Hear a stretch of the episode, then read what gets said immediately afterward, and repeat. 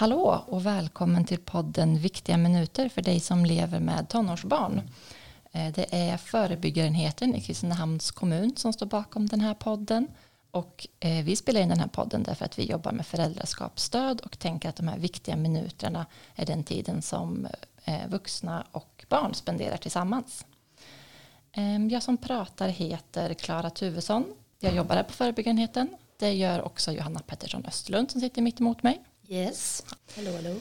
Um, idag så tänkte vi prata om uh, hur man kan stötta unga med transidentitet.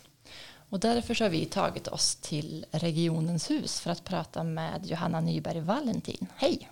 Hej hej! Uh, och du är samordnare transvård här på Region Värmland. Jajamän. Och vad gör du då? Jag finns som stödperson för både personer som själva har funderingar kring sin könsidentitet eller är trans och för deras närstående. Sen finns jag också för personalen som har eh, funderingar kring det här eller möter det här i sina jobb. Mm. Hur kommer man i kontakt med dig? Än så länge kan den ringa eller mejla. Det finns också på gång att vi ska kunna nås via 1177.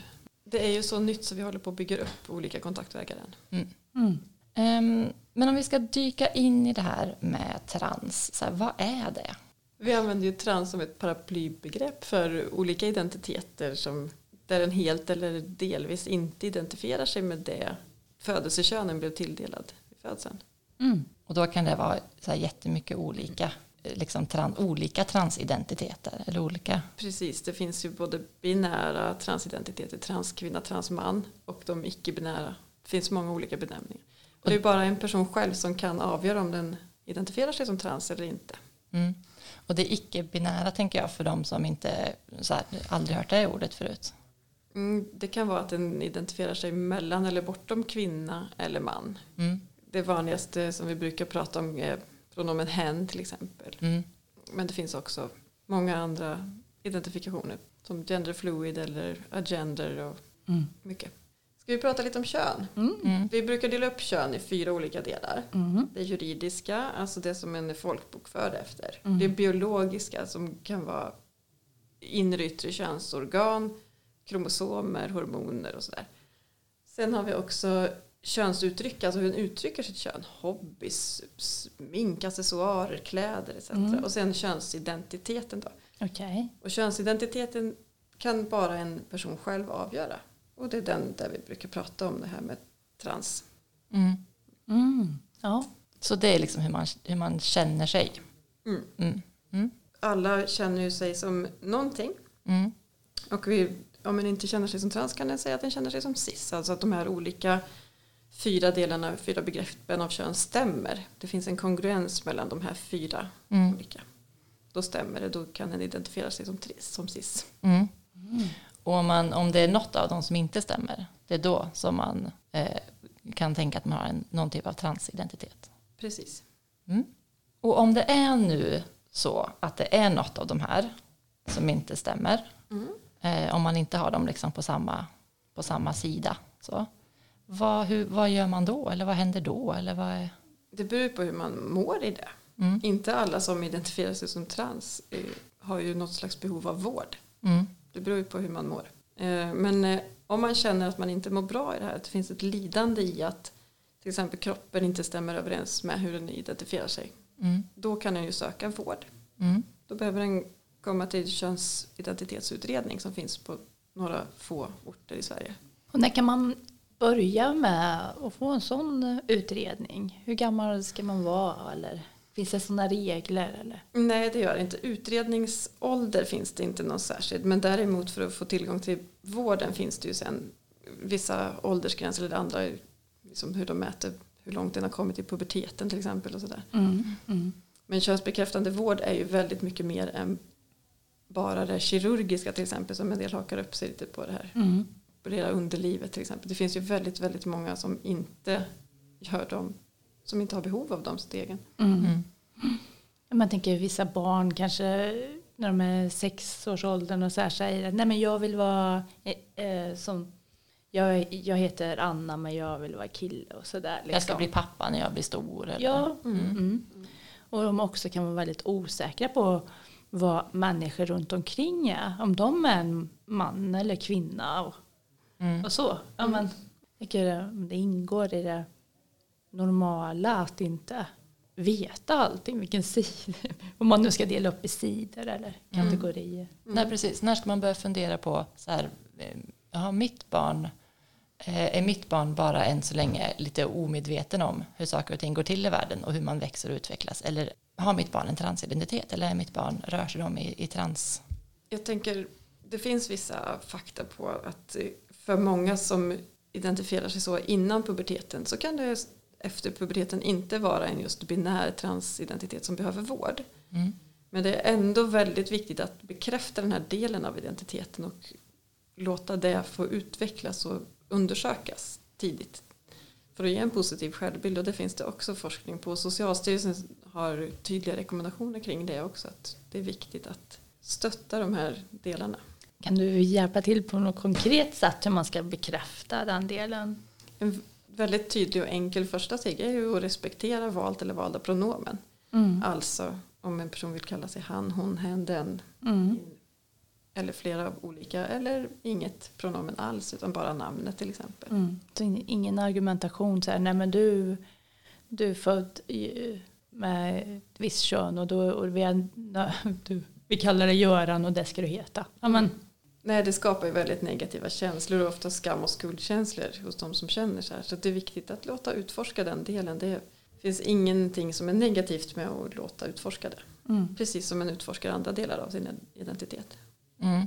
Ja, precis. På samma, samma sätt som man kan som man som barn kan säga så här, jag ska, jag ska bli fotbollsspelare och sen så jag ska bli, eller nej, jag ska bli brandman eller nej, jag ska bli frisör. Så mm. kan man få prova lite olika Precis, men för många finns det redan väldigt tidigt. Så tidigt som i tvåårsåldern kan det finnas en kraftig dysfori, alltså ett kraftigt lidande kring hur kroppen ser ut. Eh, så det är väldigt viktigt och då är det ju viktigt att söka stöd både för sig själv och för barnet så att du får prata med personer som förstår det här och som kan hantera de här frågorna. Även om det inte handlar om någon form av vård men även stödjande samtal är ju vård.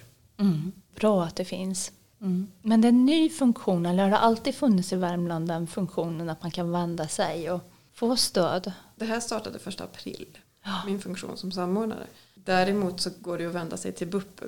Den ska ju alltid vända sig till barn och ungdomspsykiatrin om det finns oro, ångest, psykisk ohälsa hos sitt barn. Mm. Mm. mm. Men om man känner så här att ja, nej, men min, ungdom, min ungdom behöver nog stöd och hjälp, eh, mår dåligt, känner att den inte riktigt hör hemma eller att det inte riktigt funkar med, liksom, med kropp och identitet och juridiskt och, och biologiskt kön och liksom att det, inte, det hänger inte ihop och, och, och det blir knasigt liksom så och så sökt stöd och, och man börjar fundera på så här, ska man göra en utredning? Så hur går en sån till? Vad händer i en utredning? När man kommer till en utredning i den högspecialiserade vården så börjar det med att man får träffa kurator eller psykolog och sen får man också träffa psykiater. Det är en väldigt gedigen utredning. Den tar ofta ett och ett halvt år innan mm. man kan få en diagnos. Mm. Så får man genomgå olika typer av utredningar. Och det är också viktigt att om man är på en sån utredning och de där upptäcker andra saker som behöver tas om hand om under tiden så remitterar de tillbaka till hemregionen att ta hand om. Mm. Eh, och då sa jag att då kan det leda till en, då leder det till en diagnos. Det kan det göra mm. om det finns en diagnos. De här diagnoserna är på väg att kategoriseras om. De har WHOs klassifikationer i ICD har ändrat de här diagnoserna. Så vi väntar på en översättning. Mm. Där det också kommer höra till sexualmedicin istället för som det har varit nu under psykiatri. Mm. Så det, det, här känns ju överlag som att det är ett område som det händer supermycket på. Mm. Liksom hela tiden. Mm. Och, och jag hör ju, jag vet inte om du också möter Johanna eh, Pettersson Östlund. ja. att, att många tycker att det är svårt att få grepp om. Så här, vad man ska säga nu för tiden och vad är man ska, hur ska man göra och det är så svårt och jag hänger inte med. Och... Ja, det är osäkerhet om rätt benämning och att det ska, att det ska bli fel. Och, um, ja, så att man väljer, jag tror det skapar en rädsla att inte säga någonting alls för att uh, det blir så fel. Så, ja, mm. så tror jag. Jag tänker att om man börjar med att inte säga saker utan att lyssna in så har man gjort, kommit långt. Hur, ja. hur, hur är du okej okay med att bli benämnd? Vad vill du att jag använder för pronomen när jag skriver i din journal? Eller vad vill, hur vill du att vi pratar om dig när vi är på skolan? Eller vill du att jag rättar andra om de säger fel? Det, man kan ju göra upp en plan med sitt barn eller sin... Och hur ser det ut idag för transungdomar? Liksom så, vad är ungdomar med, med transidentitet? Vad, hur ser vardagen ut? Vad, vad finns det för liksom, vardagsproblem som vuxna skulle kunna hjälpa till att lösa? Jag tänker att det som vi som omgivning kan göra, som jag tidigare nämnt också, det är att respektera valt valda pronomen. Försöka säga rätt, säger vi fel så ber vi om ursäkt, säger rätt och går vidare. Och göra upp planer med hur vi ska hantera det här. Men sen också att sluta förminska den här identiteten. Det finns tendenser att just se det som en fas eller skylla på annat till exempel om du också har en autism. Att det skulle vara det som är någon slags orsak eller så. Oavsett om det är liksom en flytande identitet, alltså då kan det komma många olika faser. Om det är det eller inte mm. så är det viktigt att respektera situationen som den är. Mm. Och det tänker jag att vuxna överlag kan ha lite svårt med när det gäller ungdomar.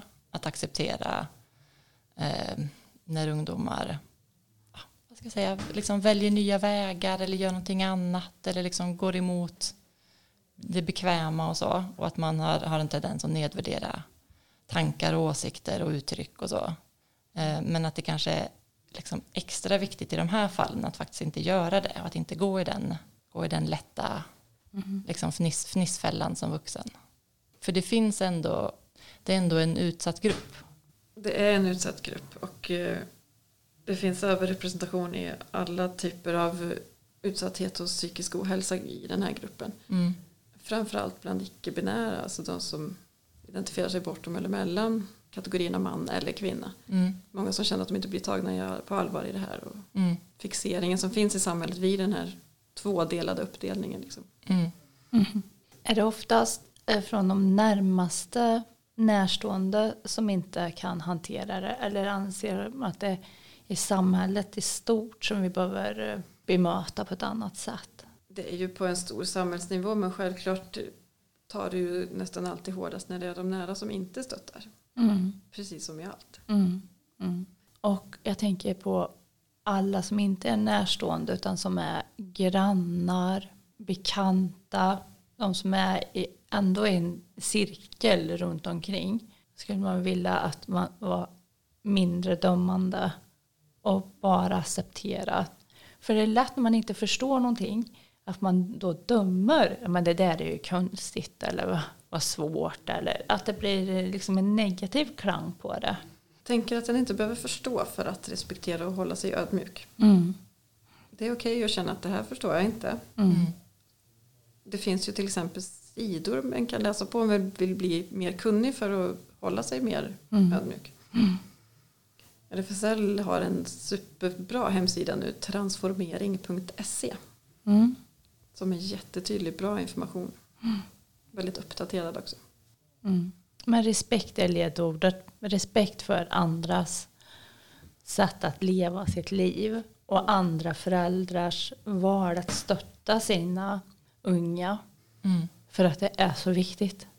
Precis, och det är också, när vi, om vi kommer tillbaka till det här med vård och utredning. Det, ju, mm.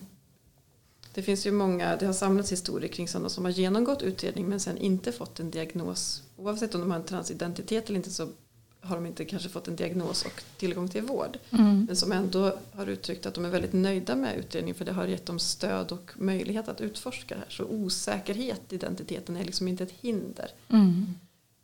Utan eh, att försöka komma till en utredning är positivt. Mm. Mm. Socialstyrelsen rekommenderar också att det skyndsamt ska skickas remiss om man har tankar kring det här. Mm. Och remisser går från till exempel från mig. Ja, från dig. Går att vända sig nu här mm. i Värmland. Mm. Mm. Det är också väldigt långa väntetider på att få komma till första steget i utredningen. Så att det är ännu viktigare att tänka att det ska försöka komma in en. Så man behöver inte tänka som, om man har nu en tonåring som man eh, börjar bli lite orolig för eller börjar känna så här, Åh, det känns som att min ungdom lider lite i det här. Då behöver man inte tänka så här, vi väntar och ser om det går över. Och, utan Det, man kan, Snarare tvärtom. Ja. Eftersom det också är kopplat till mycket sekundär eh, psykisk ohälsa. Att Mm. transidentiteten skapar ångest. Att det här skavet mellan hur den känner sig och hur den ser ut kan skapa ångest som inte hade behövt finnas. mm. Så, så man behöver inte vara på något sätt säker på att liksom, så här vill vi att det ska bli eller så här önskar min ungdom att framtiden skulle vara utan man kan liksom tänka så här vi sätter igång med en utredning och ser vad det ger. Liksom. Mm, precis. Mm. Ja, det är bra. För jag tänker att ofta, ofta tänker man att man ska vara så säker innan man söker vård för någonting. Att det är så här, nej men nu vet jag att det, att det liksom känns så här eller att det är så här eller så innan man. Men här, det är, det är ingen idé att vänta. Nej, och många ungdomar kan ju uttrycka en, ja, vuxna också för den kan ju uttrycka en osäkerhet kring hur den väljer att identifiera sig. Mm. Men ändå kan till exempel den här dysforin, alltså kroppshatet kan ju för det finnas kvar. Mm.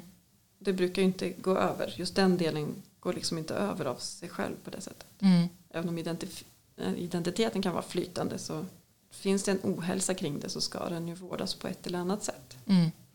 Alltså, Och som det ser ut nu så är det ju många års tid på att från första steget att remisskickas till att den faktiskt kan få en diagnos. Mm.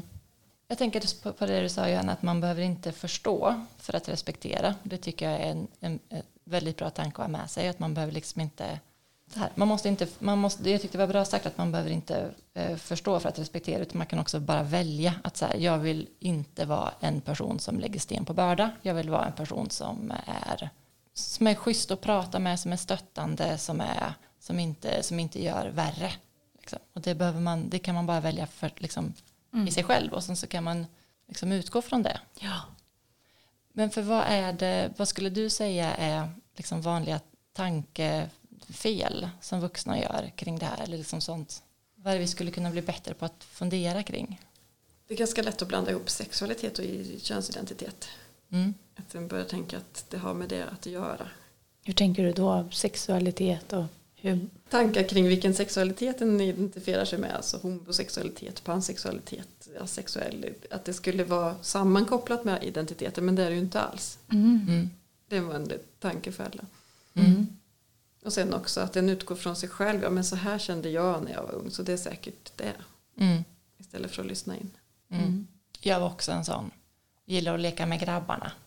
Jag upplever också att, som du nämnde förut, att många hänger upp sig på själva korrigeringen, på själva könskorrigeringen och jag så här, eh, funderar väldigt mycket kring den eller så och vad det är om, och om någon har gjort det eller inte och, och så. Du tänker på just underlivskirurgin Ja, där? Ja, ja. precis. Ehm, Det är en fixering vid det, Mm. absolut. För många som inte är insatta och för några få som får mycket medialt eh, utrymme det en fixering kring just kirurgiska åtgärder. Mm.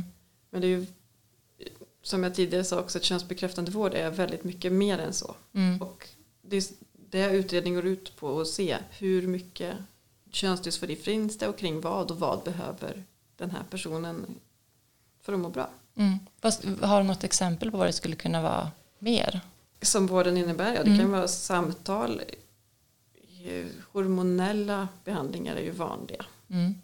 Sen finns det ju annan typ av kirurgi, Mm. femininiserande eller maskuliniserande bröstkorg, alltså ta bort bröst eller operera till bröst eller käkkirurgi, struphuvud, eh, det finns mycket. Mm. Och röst då? Självklart. Mm. Det är en av de tidiga vårdkontakterna en har ofta. Mm. Att träffa logoped. Mm. Och sen då, ehm, tänker jag, för jag, ja men just det här att, det, att jag upplever att många kan tycka att det är svårt, så här, vad är det man ska säga och hur ska man göra det? Och då har jag fått ett bra tips som är att man behöver inte börja med att säga utan man kan lyssna också. Ehm, men om man ändå känner så här att när jag, när jag pratar om det här så vill jag prata på ett sätt som är, som är respektfullt. Vad, vad kan man tänka på då?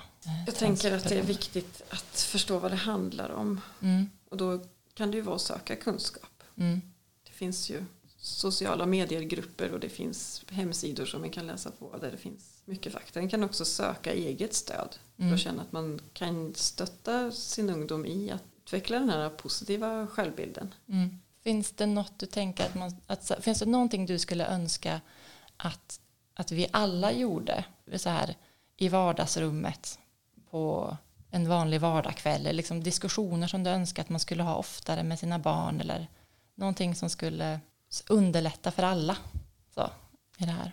Att vi inte tar varandra för givet, att vi inte utgår från vilken hobby en har beroende på vilket könsorgan en råkade födas med. Att den inte utgår från hur den identifierar sig eller vad en ska ha för kompisar eller vilken partner, vilka partners en ska attraheras av.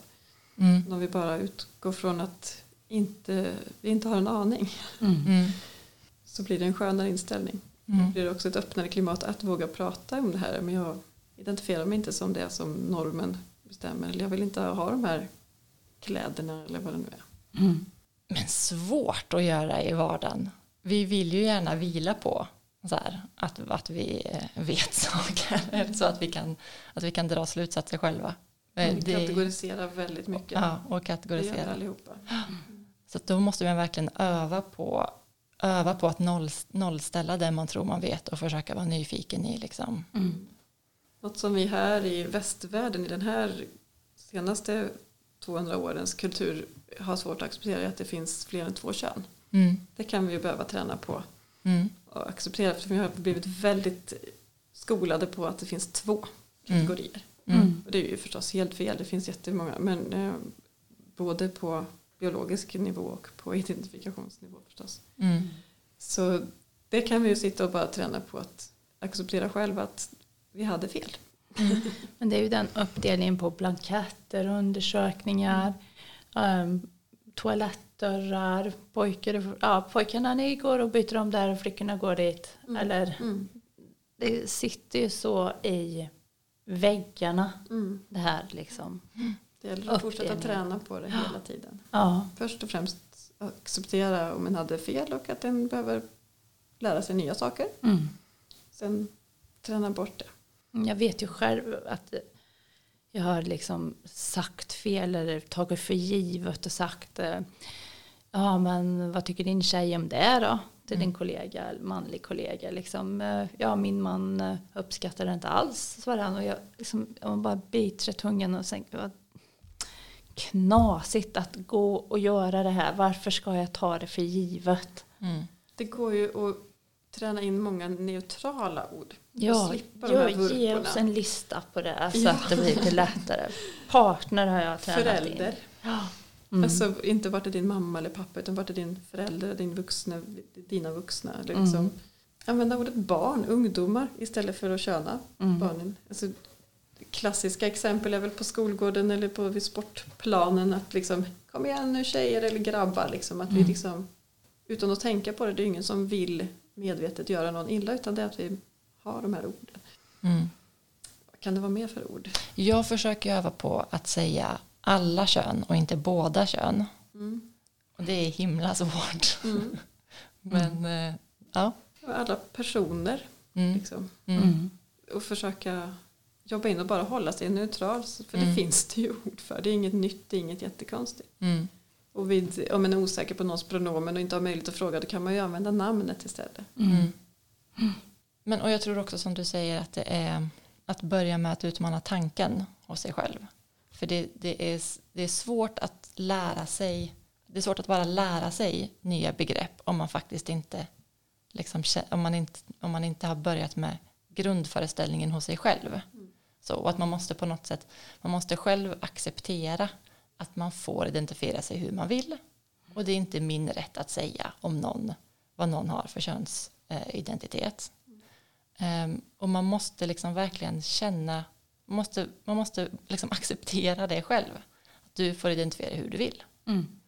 Ehm, och först då kan man börja liksom sen efter, då kan man börja släppa på det man vet att man vet. Liksom.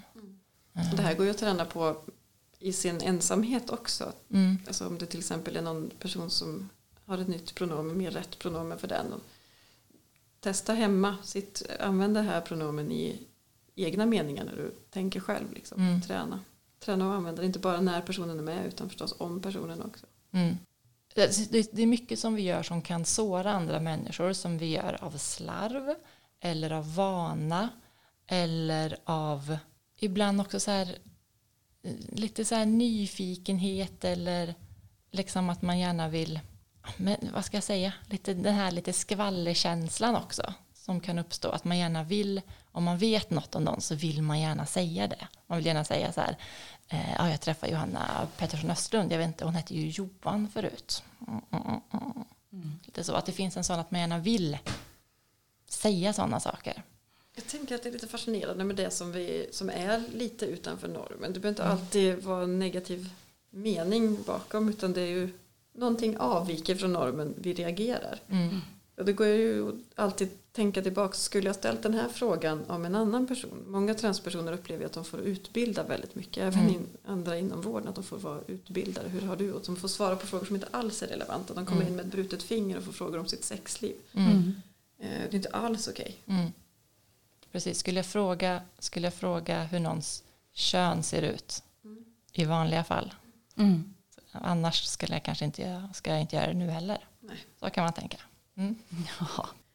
Jag tänker att det är viktigt att komma ihåg att även om det känns nytt att personen till exempel kommer ut för dig, berättar för dig att så här identifierar jag mig så är det inte säkert att det är nytt för den personen. Den mm. kanske har grubblat i 10-15, det har vi ingen aning om om vi inte frågar.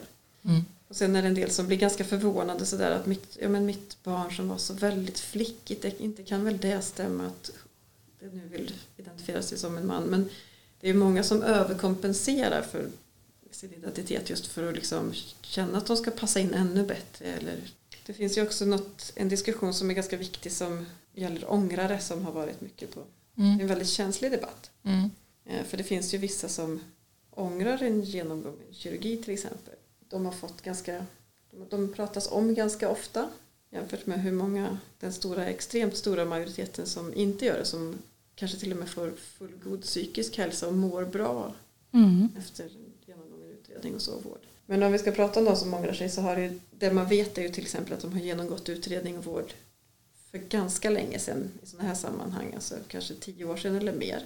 Då såg det ganska annorlunda ut och det här binära var ganska styrande. Det finns personer som alltså identifierar sig som icke-binärt som har känt sig intvingade i en, ett binärt fack för att få tillgång till någon vård. Mm och som också då har liksom känt sig mer eller mindre tvingade att genomgå full kirurgi, liksom total, för att, liksom, för att räknas, för att vara rätt. Så det är ju en kategori av de här som ångrar sig. De ångrar inte sin identitet, för de brukar ändå ofta identifiera sig inom transparaplyt, men liksom som kanske in, som känner att om jag skulle gjort det nu så skulle jag inte ha, då skulle jag liksom berättat att jag inte har behov av den här kirurgin till mm. exempel. Mm. Mm. Mm. Vad skönt att det går åt rätt håll då. Så att det mm. kommer minska, minska ångrandet mm. tack vare att ett bemötande ändras. Absolut. Och det finns ju också mycket forskning. Det finns forskning och det pågår mycket forskning som mm. är superintressant. Man kan ju tänka också så här då, att det, att det finns väldigt mycket det finns väldigt mycket kunskap att ta reda på mm. om man är intresserad av frågan och om man och om man eh, hör nyheter som till exempel kring det här med, med personer som ångrar eh, framförallt kirurgi så kan man också försöka ta reda på mer eh, ifall man, ifall man bara läser liksom, nyhetsrubriker mm. så att man får en, en ta reda på en, en helhetsbild. Liksom. Det, det, här räknas som livräddande åtgärder. Mm.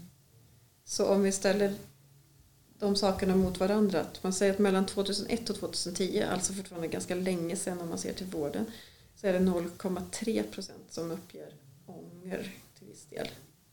Mm. Och då tänker man ändå att för väldigt många så har det varit livräddande. Mm. Och det är så bra att du kommer in på det här för det är livräddande. Det är därför vi behöver skärpa mm. till oss och respektera andras val och vara ödmjuka för mm. andras resor. Mm. Det är den, det är den yttersta, det viktigaste, att mm. det är mm. livräddande. Ja. Stöttande närstående är ju den enskilt viktigaste och mest avgörande faktorn för den psykiska hälsan hos transpersoner. Mm. Och det räcker till och med med en stöttande vuxen i närheten så sägs suicid, ja, risken för självmord minska liksom med 40 procent. Mm. Så var en sån vuxen, ni som ja. har någon i er närhet. Mm. Treva er fram våga vara viktiga. Och sök stöd själva om det ja. behövs. Det vi, har fått, det vi har fått veta idag det är ju lite, kring, eh, lite kort kring trans och att det är ett paraplybegrepp eh, som innefattar många olika delar. Eh, vi har pratat lite om kön och hur man kan tänka kring det.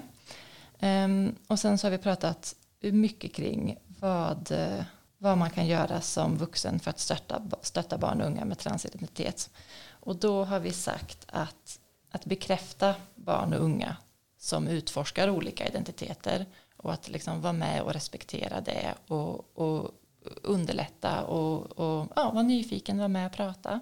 Vi har pratat om att ifall man inte vet vad man ska säga så behöver man inte börja med att säga något utan man kan börja med att fråga och lyssna. Eh, och om man gör något som är fel eller säger fel så kan man be om ursäkt. Det är ett, sånt, klass, ett klassiskt tips som, som kan gälla genom livet. Man behöver inte man behöver inte förstå fullt ut för att kunna respektera det. Så att man behöver inte, man behöver inte slå ifrån sig saker med att säga att jag förstår inte det där så det bryr jag mig inte om. Utan man kan, man kan faktiskt vara en schysst person även om man inte 100% förstår vad andra gör. Man kan utgå från att man faktiskt inte har en aning om vad andra eh, känner och, och, tycker och tänker och gör. Utan man kan vara istället intresserad av att, att prata, om, eh, prata med varandra. Ehm, man kan försöka träna in neutrala ord. Man kan fundera på vilka frågor man ställer och om man ställer dem till alla eller bara till specifika personer och då kan man också fundera på hur trevligt det låter. Eh, alltså, ehm, om man har ett barn eller en ungdom i sin närhet som, som eh, mår dåligt i, eh, i det här så, så, så behöver man söka hjälp och söka stöd. Eh, och man kan söka stöd till exempel här från, från Johanna Nyberg Valentin för att veta hur man ska gå vidare. Man kan söka stöd från elevhälsa, BUP och man kan också försöka få en utredning. Och det skadar inte att göra den tidigt. Det finns bra sidor som man kan gå in och läsa mer om ifall man vill ha fördjupad kunskap. Transformering.se har vi varit inne på och, och pratat om. Um, och framförallt så ska man ha med sig att transvård är, anses och är livräddande åtgärder. Uh, och, och att stöttande, och stöttande närstående är det enskilt viktiga, enskilt viktiga skyddet för unga med transidentiteter som rör sig i liksom, transfrågor. Eh, och det är ju vi som kan vara dem, mm. helt enkelt. Och det får man ta på allvar för att det är en utsatt grupp. Mm. Så vi som lyssnar på det här, du som lyssnar, du har möjlighet att öka en god hälsa mm. hos människor och du mm. kan rädda liv. Har du något att tillägga, Johanna? Nej. Mm. Vad bra, tack för att du kom och pratade med oss om det här. Tack så mycket. Det har varit jättebra. Lärt oss mycket och mycket bra eh, konkreta tips som vi mm. kan ta till oss och börja med. Ja. Och börja med att utforska våra egna tankar kring saker och ting och vår egen förståelse av världen. Det kan, vi, kan ju alla göra nu när de stänger av podden bara. Yes. Börja fundera lite på vad man, vad man tror är sant och inte och hur man kan eh, förändra sina tankesätt. Mm. ja. Spännande. Um, lycka till med det och tack alla som har lyssnat vi hörs igen eh, någon annan gång.